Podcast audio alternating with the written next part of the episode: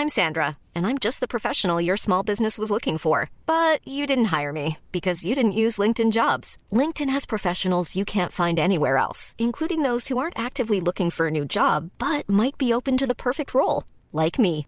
In a given month, over 70% of LinkedIn users don't visit other leading job sites. So if you're not looking on LinkedIn, you'll miss out on great candidates like Sandra. Start hiring professionals like a professional. Post your free job on linkedin.com/people today. Halo pendengar GGMI Podcast, baik lagi bersama kita bertiga dan masih dalam suasana international break. Kita akan ngebahas satu buah topik tentang MU yang berkaitan dan sedang hangat-hangatnya bahkan sempat dibahas di berbagai macam pundit uh, tentang adanya link yang menyebutkan kalau kita akan melakukan bid war dengan klub-klub lainnya untuk satu nama yaitu Hey Jude atau Jude Bellingham prospek ya di musim panas 2023 gue yakin nih. Nah gue mau nanya ke Alvin nih, ini kan nama Bellingham ini kan bukan nama asing ya. Karena tahun 2020 if I'm not mistake itu juga pernah kan diundang ke Old Trafford, bahkan ketemu sama Sir Alex gitu kan, nama David Gill juga kalau nggak salah ya gitu kan. Yang mana kita udah yakin nih gitu kan dari dari Birmingham kalau nggak salah gitu kan. Terus akhirnya pindah ke uh, MU gitu. Eh ternyata pindahnya malah ke Liga Jerman ke Borussia. Yang mana sebenarnya nggak buruk-buruk banget gitu kan. Nah uh, apa nih yang lu bisa lihat kompleksitas dari seorang Jude Bellingham yang dikaitkan dengan MU? Um, kalau misalnya kompleksitas menurut gue yang pertama harga. Karena kemarin juga kita baca di The Athletic kalau harganya itu mencapai 150 juta euro dan itu mahal banget. Bahkan Erling Haaland aja setengahnya harganya kan gitu. Jadi menurut gue ini menjadi sangat kompleks karena uang yang dikeluarkan ini bisa dibilang mungkin sebagian besar dari jumlah dana di summer tersebut gitu loh nantinya gitu. Apalagi kita nggak tahu ya apakah nanti kita akan spend besar-besaran lagi di summer meskipun harusnya iya gitu sih. Jadi menurut gua di sini sekarang tinggal kuat-kuatan uang antar klub dan menurut gua kalau udah bicara masalah uang, klub yang nantinya akan bisa bersaing itu nggak akan banyak. Hmm, Hmm. oke. Berarti lebih kepada masalah faktor uang ya akan menentukan money talks ya. Eh, yang akan nanti single kuat-kuatan ya, antara MU, Liverpool, atau mungkin bahkan Chelsea eh, dan beberapa klub lain yang akhirnya mengincar. Tapi gue punya kesaung terkait dengan profil pemain. Karena banyak orang sangat setuju nih dengan eh, Bellingham ke MU karena selain dia British, kedua juga mungkin potensial umurnya masih 18 tahun eh, mungkin tahun depan 19 gitu kan. Yang mana kita akan securing the midfield mungkin 10 du- 12 tahun ke depan gitu. Dengan angka ya mungkin ya fantastis tapi oke lah untuk 10 tahun investasi. Hmm. lu gimana melihat sosok Bellingham? Sosok Bellingham ini menurut gue profilnya ya sebenarnya tuh emang cocok banget di eh, Premier League sebenarnya gitu. Mak- makanya di musim lalu pun ketika masih oleh Gunnar Solskjaer ya itu kita nyaris banget benar-benar nyaris banget kita bisa mendatangkan seorang Jude Bellingham ini gitu. Cuman akhirnya dia eh, memilih untuk bergabung ke Borussia Dortmund gitu yang mungkin memang pilihan yang tepat ya menurut gua gitu Hmm. sebagai eh, kalau misalkan gue memposisikan diri sebagai Jude Bellingham gitu karena di United sendiri kan pada saat itu memang eh, kita tidak pernah tahu ya memang situasinya akan jadi seperti Hmm, ini Mark gitu. Fred itu sulit digeser ya pada saat itu ya. Betul, bahkan Casemiro aja sulit kan. Bahkan seorang Casemiro juara lima kali Liga Championnya sulit menggeser McTominay gitu. Makanya untuk seorang profil Jude Bellingham pada saat itu usia 17-18 tahun eh, datang langsung ke Manchester United mungkin dia akan sangat-sangat bekerja keras gitu ya apalagi dengan media yang seperti itu gitu walaupun dia Inggris juga sih memang cuman Hmm. Secara decision gitu ketika dia pindah ke Borussia Dortmund dan akhirnya bisa menjadi seperti sekarang gitu ya mengikuti jejak seorang Jadon Sancho ya itu keputusan yang tepat sih gitu. Dan memang kalau misalkan nanti kita pada akhirnya memilih untuk mengejar dia kembali di musim panas 2023 I think sudah punya kita sudah punya gambaran lah kita akan mendapatkan pemain seperti apa gitu. Hmm, seperti apa tuh? seperti sosok di mana yang kita harapkan pada seorang Paul Pogba kali ya Iya. Cuman dia iya. Inggris dan less drama sih. I Hmm, see. oke. Oke, oke. Oke, berarti memang kalau secara profil ya, kita Mhm. melihat Bellingham ini adalah the last missing jigsaw ya untuk akhirnya MU dan dengan tim yang sekarang mungkin sedang membangun masa depan, maka potongan itu bisa diisi secara sempurna ya Yes, dengan cuma Bellingham ya. gitu. Cuman Nah, kan gue memang ini apa? ya, ya, sorry. Cuman kan memang masalahnya kan tadi yang Alvin sempat mention ya, yaitu tentang budget kan gitu. Apakah dengan harga 150 juta euro ini kita akan bayar atau enggak gitu. Nah, gue mau nanya simpel aja sih misalnya ke Alvin gitu ya. Alvin kan ini kita mengenal dia sebagai sosok pencinta Frankie De Jong ya. Ya kan? Kita tahu Iya. bagaimana kita benar-benar sangat mengejar Frankie De Jong kan di musim panas ini gitu. Nah, akhirnya kita Iya. gagal dapat gitu. Terus pada akhirnya nanti misalkan di musim depan kita cuma punya budget sekian gitu. Lo mau pilih mana, Vin? Kira-kira? Em, gimana ya kalau Frankie De Jong menurut gue udah no chance sih kayak apalagi kemarin juga gue baca Xavi ini udah menjadikan Frankie De Jong ini sebagai uh, long term replacementnya Sergio Busquets gitu jadi gue sih udah totally over Frankie De Jong ya. Dan gue melihat bahwa oke kita akan bermain tidak dengan skema Ten Hag seperti di Ajax tapi sedikit agak Hmm. berubah sedikit gitu. Dengan adanya seorang DM murni mungkin Casemiro atau Scott dan sebelahnya adalah seorang pemain yang kreatif seperti Erikson dan kalau Jude sebenarnya menurut gua dia bukan pemain kreatif seperti Erikson ya yang bisa dictate from the deep tapi dia lebih seperti box to box player yang mana dia ball carryingnya bagus banget dan mengingatkan kita pada Pogba betul gitu. Eh, dribblingnya juga bagus banget dia bisa bawa bola dari belakang sampai depan tapi mungkin passing range-nya itu nggak kayak Pogba yang bisa mungkin kayak killer pass atau misalnya dia Hollywood pass itu mungkin dia nggak terlalu gitu cuma dribblingnya. Dan satu hal yang gue sempat baca juga dia bagus banget adalah off the ball movementnya. Jadi pressingnya dia gila-gilaan karena ya dia diajarin itu di Dortmund. Hmm, oke.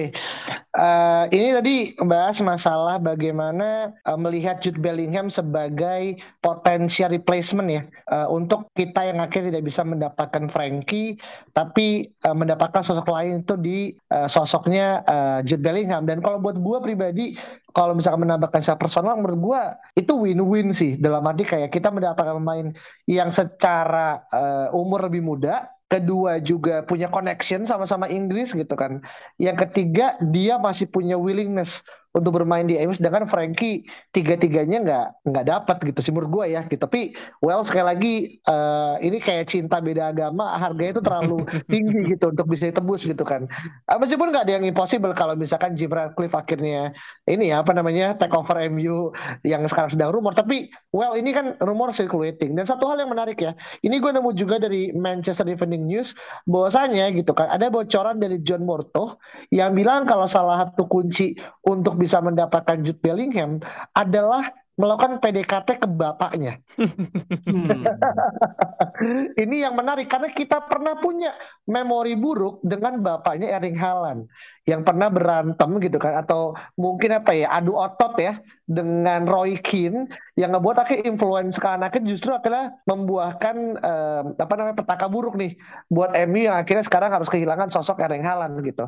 Nah gue pengen ngecek nih apakah kita punya memori buruk gak ya dengan bapaknya Bellingham gitu.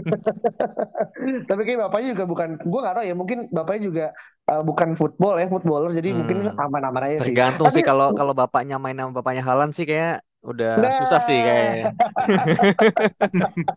itu dia kan. Jadi bapak-bapak eh, Dortmund nih saling influencing kan bisa jadi masalah gitu kan. Oke, tapi kalau gue balik ke Saung ya, eh, kita kan ngelihat ya, bahwasanya Ten Hag ini kan eh, sedang mengorbitkan beberapa pemain muda gitu kan.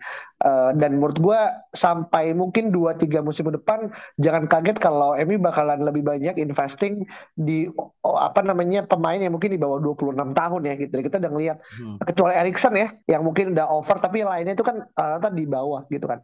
Nah ini apakah tren untuk akhirnya Bellingham ini lu anggap sebagai project jangka panjang atau memang ketika akhirnya Bellingham harus ke MU ini is just another Ronaldo project 2.0 yang mungkin after four until five years, ya he will soon leave to either Madrid mungkin atau Barca yang mana kita tahu bahwasanya tractionnya MU nggak sebesar itu kalau misalnya kita lihat di secara uh, apa namanya rantai makanan gitu. Bisa jadi sih sebenarnya gitu karena sebenarnya sih tentu semuanya kita berharap ya Jude Bellingham kalau misalnya memang ke MU dia bisa at least 10 tahun lah ya di United gitu. M mungkin mengikuti jejaknya Phil Jones ya 10 tahun. Mengikuti betul jejak Phil Jones jejak David De Gea gitu. Mungkin nanti ketika mau ditransfer ke uh, Madrid emailnya pending gitu kan.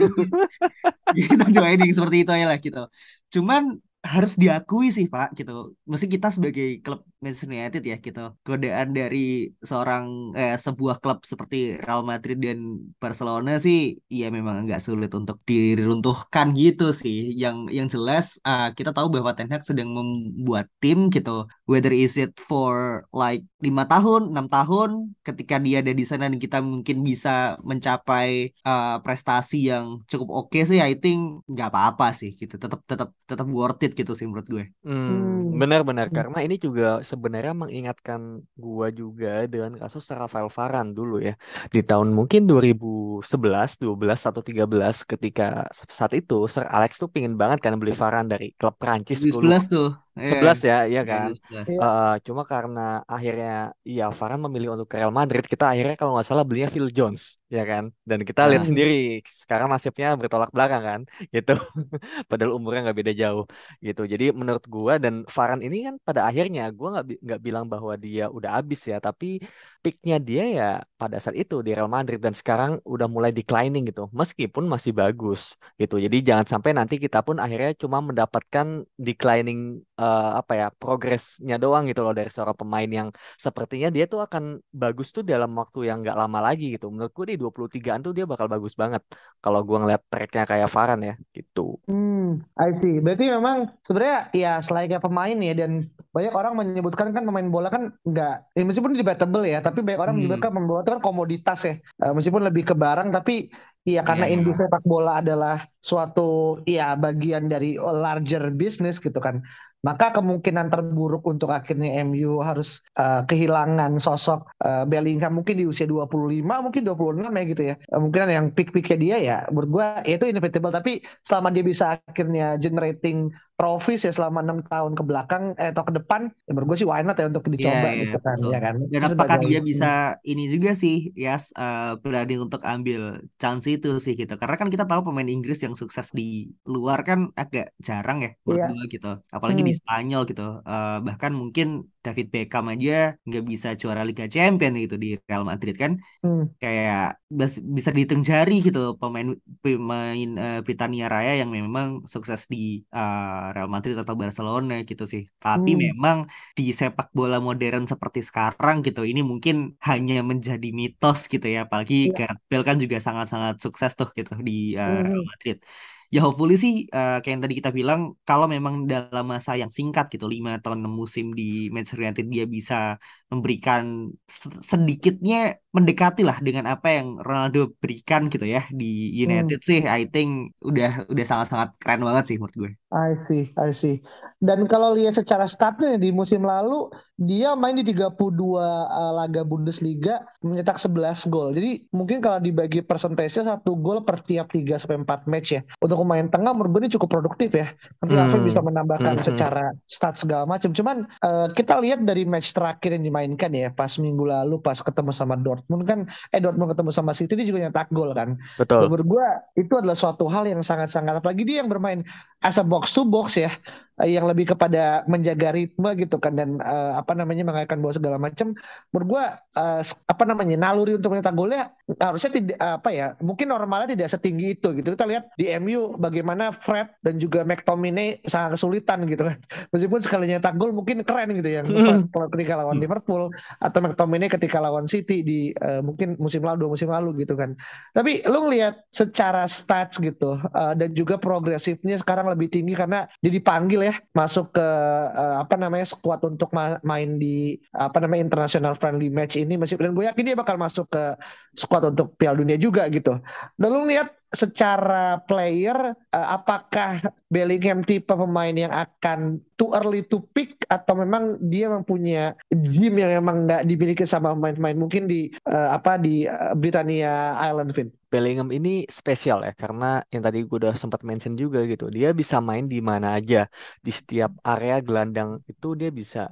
Dia mau jadi uh, salah satu dari double pivot dia bisa dia pemain yang cukup disiplin ya untuk off the ball movementnya dia mau jadi satu dari tiga gelandang pun bisa dia mau jadi AM pun bisa juga tadi gue baca di di Atletik dan rataan golnya juga cukup banyak gitu untuk seorang gelandang ya. Jadi praktis dia itu bisa bermain di setiap area gelandang gitu karena dia positioningnya juga sangat bagus. Dan ini sebetulnya hal yang atau profil pemain yang kita juga lacking gitu kan yang mana kita punya Fred yang dia juga bisa menjadi pemain serbaguna cuma ya kualitasnya kan memang begitu-begitu aja gitu. Jadi menurut gua di bahasan kemarin kan kita bilang bahwa Fred ini perlu diperpanjang satu tahun gitu. Dan menurut menurut gua kalau misalnya musim depan kita bisa dapat Jude Bellingham, ya Fred mungkin bisa untuk tidak diperpanjang sih gitu. Jadi menurut gua ini ini lebih kepada replacement mungkin bukan replacement Pogba secara ini ya apa ya kayak langsung gitu. Cuma menurut gua dia adalah pemain yang bisa main di mana aja dan sangat serba serbaguna untuk segala posisi yang kita butuhkan. Meskipun hmm. again ya, dia bukanlah seorang pemain yang ngedictate dari tengah gitu. Itu menurut hmm. gue lebih ke tugas Erikson gitu. Tapi dia hmm. bisa menjadi pemain yang sangat pressing gitu. Jadi ah, tapi iya, tapi menurut gue ya, dia uh, to be honest ya, dia lebih cocok main di Liverpool sebetulnya menurut gue gitu. iya iya, iya. Wow. ya. Tapi kan dia masih 19 tahun bro gitu yang artinya masih bisa lah untuk diasah menjadi pemain yang bisa mengontrol permainan gitu atau mungkin jadi suksesornya Erikson kan gitu kan hmm. kayak di usia yang masih muda gitu untuk untuk membentuk dia menjadi seorang profil pemain yang berbeda itu menurut gue masih masih sangat-sangat memungkinkan gitu sih kayak hmm. Asli Youngnya bisa jadi fullback kan maksud gue bisa lah gitu uh, apa namanya kita bisa bikin dia seperti yang uh, kita mau sih sebenarnya. hmm, hmm, hmm. tapi gini ya ini speaking about Liverpool ini gue baca juga di Atletik ya Alvin mungkin harus juga lihat juga. Sebenarnya Liverpool tuh pernah mencoba untuk nge-sign Bellingham itu tahun 2012 dia dia nawarin 9000 pounds untuk midfielder dari Birmingham ini uh, apa masuk ke apa namanya Liverpool tapi keluarga itu mereject gitu. Jadi kalau misalkan memang balik lagi kalau secara fit player uh, apa namanya playing dia memang ke Liverpool mungkin ada benernya tapi dia sebenarnya pernah ditawarin Vin tapi dia nolak keluarganya yang nolak. Nah, gue bilang kan hmm. tadi kan apa namanya hmm. uh, koneksi dengan bapaknya itu akan sangat uh, apa namanya matters gitu dan yang paling cukup membagongkan adalah ini gue baca dari L Ciring Ciringguito ya gue mungkin salah baca cuman uh, di sini disebutkan kalau Jude Bellingham will prefer to join Real Madrid Hmm. If he choose to leave Bayern uh, Borussia Dortmund next summer. Nah, Nanti ini kan... aja. Gak usah buru-buru, bro. Iya, iya, ini kebelet. Kayak kebelet gabung. Gue bayangin ya kalau misalnya dia jadi ke Madrid gitu kan. Chouameni, uh, siapa namanya sih? Iya, Kavinga sama. Itu incaran kita semua ya kayak dari dua musim lalu. Iya. Emang bangke nih Madridnya bang lama-lama gitu kan. Iya, Kita dapet sih Sane doang kan. Casemiro, Varane.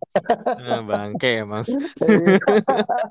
nah ini kan balik lagi kan kayak football attraction dari suatu klub ini kan jadi jadi sangat penting makanya kenapa akhirnya mengembalikan MU ke fase yang stabil dan naik peringkat atau naik ke level sejatinya kan akan mempengaruhi juga bagaimana talent ya. Dan kita tahu ya kemarin ada rumor yang bilang kalau Carrington tuh udah nggak lagi quote unquote seksi gitu kan untuk akhirnya luring top talent buat main ke sana. Gue nggak tahu ini nanti bisa diperdebatkan juga ya. Cuman ya ini adalah satu hal yang sangat ketara gitu. Uh, sekelas orang 19 tahun asli dari Inggris gitu kan. Akhirnya memilih untuk main di ya ibu kota Spanyol gitu ya. Mana menurut gue kayak mungkin tusun ya untuk uh, sekarang. Tapi ya udahlah ya kita coba kesampingkan dan masih berharap ini yang benar untuk akhirnya uh, dengan berhubungan dengan bapaknya ya. Hmm, iya, tapi tapi hmm. tapi uh, selain Real Madrid menurut gue tim yang punya chance yang sama ya dengan MU adalah Chelsea dan City karena uangnya itu satu uang yang mereka nggak terbatas yang kedua mereka tuh lagi butuh gelandang juga masalahnya kita lihat Chelsea tengahnya cuma ada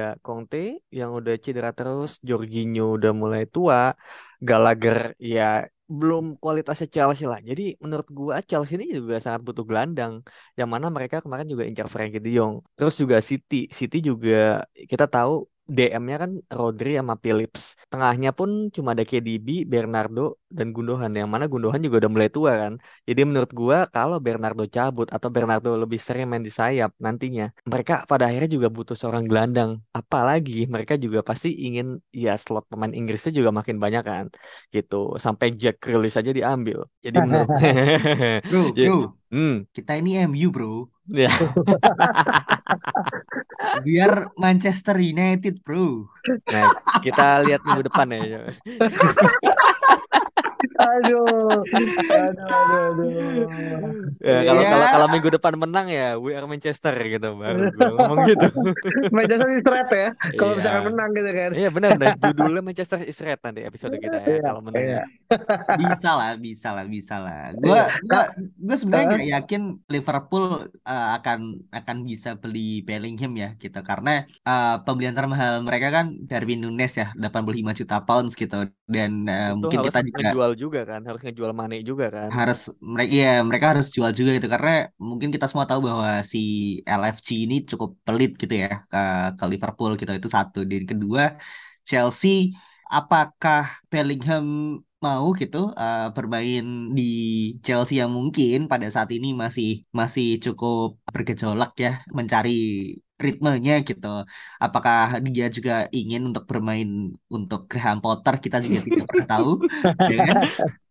Nah, terus aja ditolak ya. itu bahkan udah ketemu Ferguson bro Oh iya. benar. bayangin lu udah udah ketemu Ferguson lo tetap ditolak gitu ini orang emang emang emang rada bangke gitu emang emang dia punya nyali sebenarnya si si Jude Bellingham ini gitu nah Manchester City bener sih cukup cukup kuat sih memang ada ada Pep gitu ada KDB ada Haaland gitu kan Ada temennya kan Holland kan? iya Iya. Cuman kan tinggal nanti banyak-banyakan bayar gitu. Yang gue yakin juga duitnya memang banyakan City sih. Cuman memang yang jelas doa yang terzalimi ini kan lebih kenceng ya, bro ya. Waduh. Ya kita tahu memang nasib United selama 10 musim ini kan cukup menyedihkan gitu nah dengan adanya kebangkitan ini gitu di Manchester yang sisi merah ini harusnya sih bisa sebenarnya Hmm. bisa bisa Tergantung Glazer ya. tergantung kita juara Premier League atau enggak. Iya iya iya iya iya. Ah, sih tapi gini ya, ini balik ke siapa namanya Jude Bellingham lagi dan menurut gue emang he's born uh, to be someone ya. Dan ini gue percaya kenapa? Karena kalau kita lihat statsnya ya, ada beberapa hal yang menurut gue cukup menarik ya. Satu, dia itu bermain untuk Birmingham U23 di usia yang sangat belia 15 tahun. Pemain MU aja yang paling muda main di uh, skuad U21 itu barusan tadi malam itu Amir Ibrahimov main di uh, usia 15 tahun di U21. Nah, ini di U23. Jadi menurut gua itu satu hal yang uh, menurut gua stat yang nggak nggak bisa dipungkiri. Dua gitu kan. Nomor 22 di Birmingham itu dipensiunkan setelah Hmm. akhirnya Jude Bellingham cabut dan kita bisa tahu ya untuk suatu nomor dipensiunkan itu tuh pasti ada suatu makna dong dan kita tahu bagaimana akhirnya beberapa nomor dipensiun karena entah karena mungkin nomornya keramat entah karena mungkin dipakai sama legenda dan sosok Bellingham yang cabut di usia eh, berapa 16 tahun 17 tahun terus di retirement itu suatu hal yang akhirnya eh, apa namanya sangat anomali lah tapi ya positif buat dia Hmm, by, ketiga by the apa? way, sorry, by the way, lu tahu nggak kenapa dia nomornya 22? apa Kenapa tuh? tuh Karena dia, gua nggak tahu ya dari dia atau dari pelatihnya ya. Dia tuh bisa main di mana aja, di nomor 4, nomor 8, nomor 10. Digabungin jadi 22. oh Oh, bukan karena dia see. fans Taylor Swift bukan ya? Ya. Feeling kan itu ya. Mantap, mantap. Boleh, boleh, boleh. Iya, iya, iya, iya. Wah, ini another good fact nih. Tapi Yoi. yang nggak kalah penting juga, dia juga uh, Bellingham menjadi pemain termuda yang bermain di UCL gitu kan. Ketika umur 17 tahun, 133 hari, yang mana itu mengalahkan rekan timnya sendiri, uh, siapa namanya Phil Foden, yang mungkin cuma beda hari doang gitu kan. Yang mana menurut gua ini satu uh, poin yang uh, menjadi apa namanya uh, hal yang ya bisa kita pertimbangkan kalau investasi 150 juta mungkin enam tahun lagi bisa menyampai angka 250 mungkin ya. Ada tanggapannya nggak nih Bro Alvin? Ya, again ini tergantung dari performanya juga gitu dan juga performa tim juga gitu. Yang mana kalau kita lihat MU kan baru banget mulai rebuilding. Meskipun ya gue tahu ya bahwa ini juga sepertinya rebuilding yang kesekian dan semoga ini sukses gitu kan. Jadi kalau misalnya kita bicara investment itu agak sulit sih gitu. Kita mesti lihat juga prospek ke depannya gimana. Bukan berarti ketika ya kita lihat itu bagus and then nextnya juga bakal bagus juga gitu. Kita juga tahu ya ketika kita invest 80 juta sekarang mungkin ketika dijual bisa di bawah 50 juta gitu. Jadi menurut gua again ini juga tergantung kepada klubnya juga gitu. Dan kalau misalnya kita lihat prospeknya Bellingham dan juga MU sepertinya ya itu menurut gua possible aja untuk dijual. Meskipun gua mm, terakhir kali tuh kapan ya kita bisa menjual lebih di lebih dari apa yang kita beli gitu. Mungkin Ronaldo ya yang terakhir kali terjadi gitu dan itu udah mm, 12 tahun Salah yang lalu. bro. Ada lagi. Oh siapa tuh? Andreas Pereira. Dia akademi kan. Jual 10 Oh, juta kan lumayan dong. oh iya benar benar benar benar. Seribu persen tuh ya. 1000%. Balik modal. Iya iya iya iya.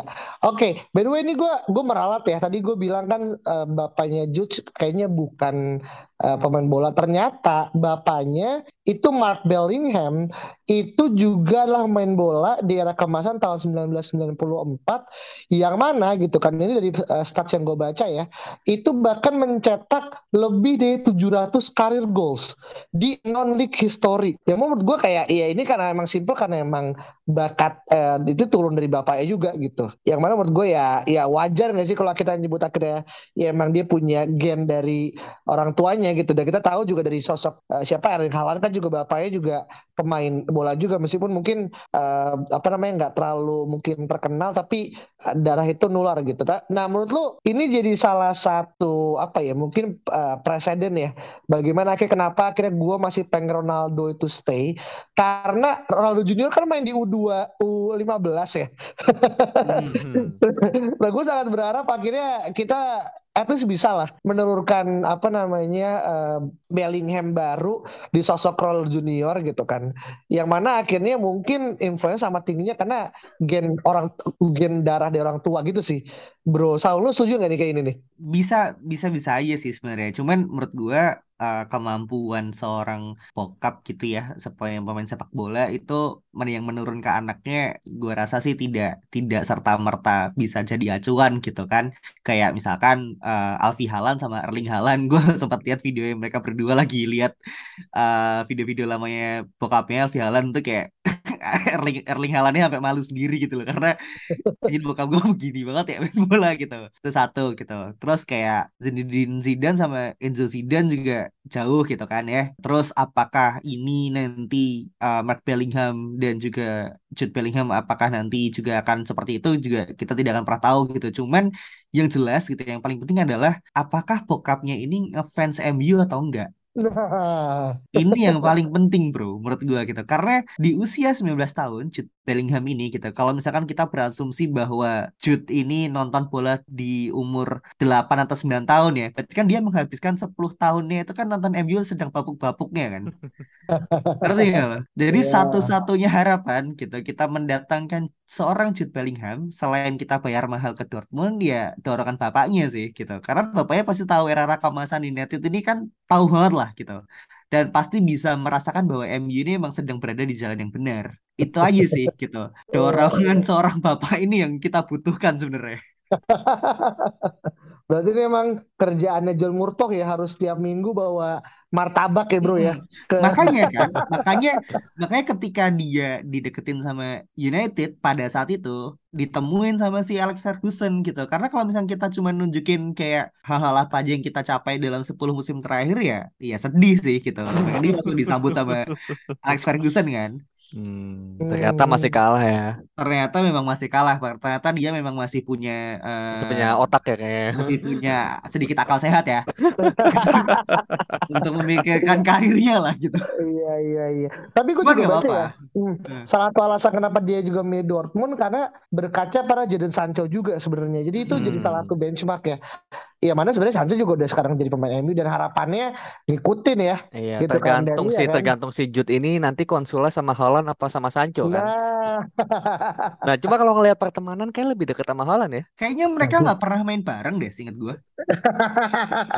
Enggak Ah, sih, Jude sama Sancho emang pernah setim ya di Dortmund? pernah, Kayak pernah, pernah pernah, ya? pernah, pernah, pernah. Ah. Oh iya, pernah satu Hmm, musim. Pernah. mm-mm. Iya, iya, iya, iya, iya. Mm, mm, mm. Nah itu dia Iya. makanya yang jadi permasalahan tinggal akhirnya kuat-kuatan satu duit, dua koneksi kan. Betul. ah. Iya, ini perlu ada devil advocate, devil advocate nih ya, Iya. akhirnya ini kan. Untungnya kan Hmm. kalau Sancho kan masih se- ini ya senegara ya, jadi satu inilah satu teritori lah gitu kan. ya itu ini ya, apa semacam itu. Tapi mungkin terakhir ya bro ya, eh gue nanya ke teman-teman ini eh, mungkin kita main rating ya, tapi pertanyaan dua. Satu dari angka 0 sampai 10, eh, seberapa likely dia akan ke MU gitu kan. Ini let's say considering uh, all the apa namanya factors ya. Sama yang kedua dari angka 1 sampai 10 terkait dengan seberapa dia dibutuhkan sama tim ya. Gue mau nanya ke Saung dulu. Menurut lu untuk dua 0 sampai 10 ini kira-kira dia nggak berapa? Kayak gue mau jawab yang seberapa butuh ya dia Hmm, dibutuhkan dalam tim ya gitu. boleh, Biar boleh, nanti boleh. likely-nya dia join atau enggak biar Alvin lah biar episode ini tidak dihujat ya. Iya. iya.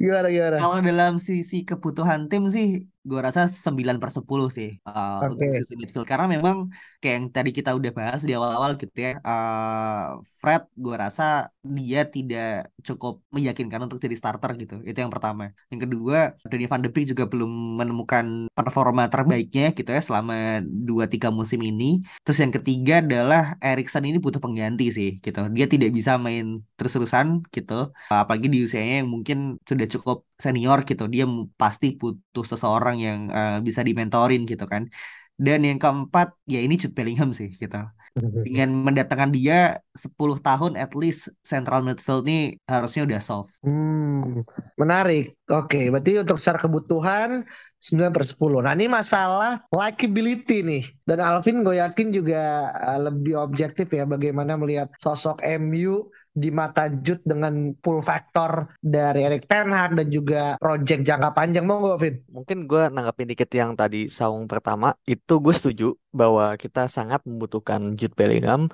Jadi gue nggak mau nambahin lagi gitu karena 9 per 10 menurut gue udah oke.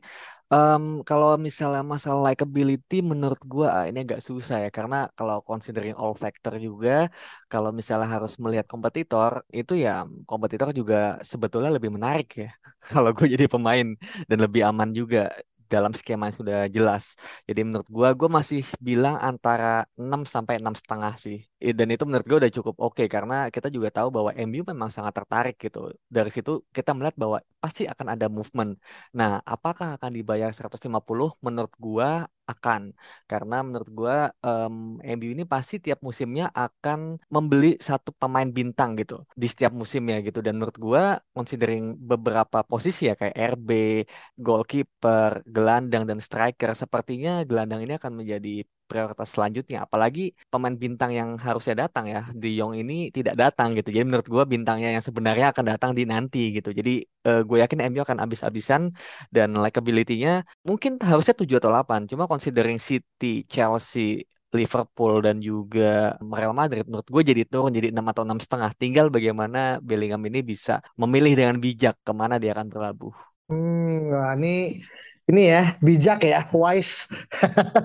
Tinggal bagaimana akhir sistemnya selama kurang lebih mungkin ya. Dan gue nggak yakin ini kalaupun MU datengin itu di bulan Januari ya karena sangat likely itu sangat kecil banget gitu. Pasti kan mungkin di eh, summer ya 2023 dan ini kan akan eh, membangun suatu snowball effect ya yang mana kalau di Januari kayak terlalu mepet dan tim kayaknya kalau bongkar pasangnya terlalu masif atau terlalu overhaul kayaknya juga terlalu eh, apa namanya tidak membuat keseimbangan tim jadi berjalan lebih lancar. Jadi kita nunggu dan kalau teman-teman akhirnya punya pendapat beda atau bahkan mau nambahin fakta-fakta unik tentang Bellingham silahkan silahkan teman-teman komen ketika episode ini muncul di Twitter kita di @kgb_podcast. Dan terakhir sebelum kita tutup, uh, ini dapat kabar ya bahwasanya Erik Ten Hag masuk dalam top 3 nominasi Manager of the Month di bulan September ya, uh, bareng sama Antonio Conte dan juga Gary O'Neil-nya Burnout gitu kan. Kita lihat apakah uh, Ten Hag bisa mendapatkan gelar individu pertamanya ketika merumput di Liga Inggris. Uh, just keep to. Uh, thank you so much teman-teman udah dengerin. Uh, sampai ketemu di pertemuan berikut ya. Bye-bye. Hey, it's Danny Pellegrino from Everything Iconic. Ready to upgrade your style game without blowing your budget? Check out Quince. They've got all the good stuff, shirts and polos, activewear, and fine leather goods, all at 50 to 80% less than other high-end brands. And the best part? They're all about safe, ethical, and responsible manufacturing. Get that luxury vibe without the luxury price tag. Hit up quince.com slash upgrade for free shipping and 365 day returns on your next order. That's quince.com slash upgrade.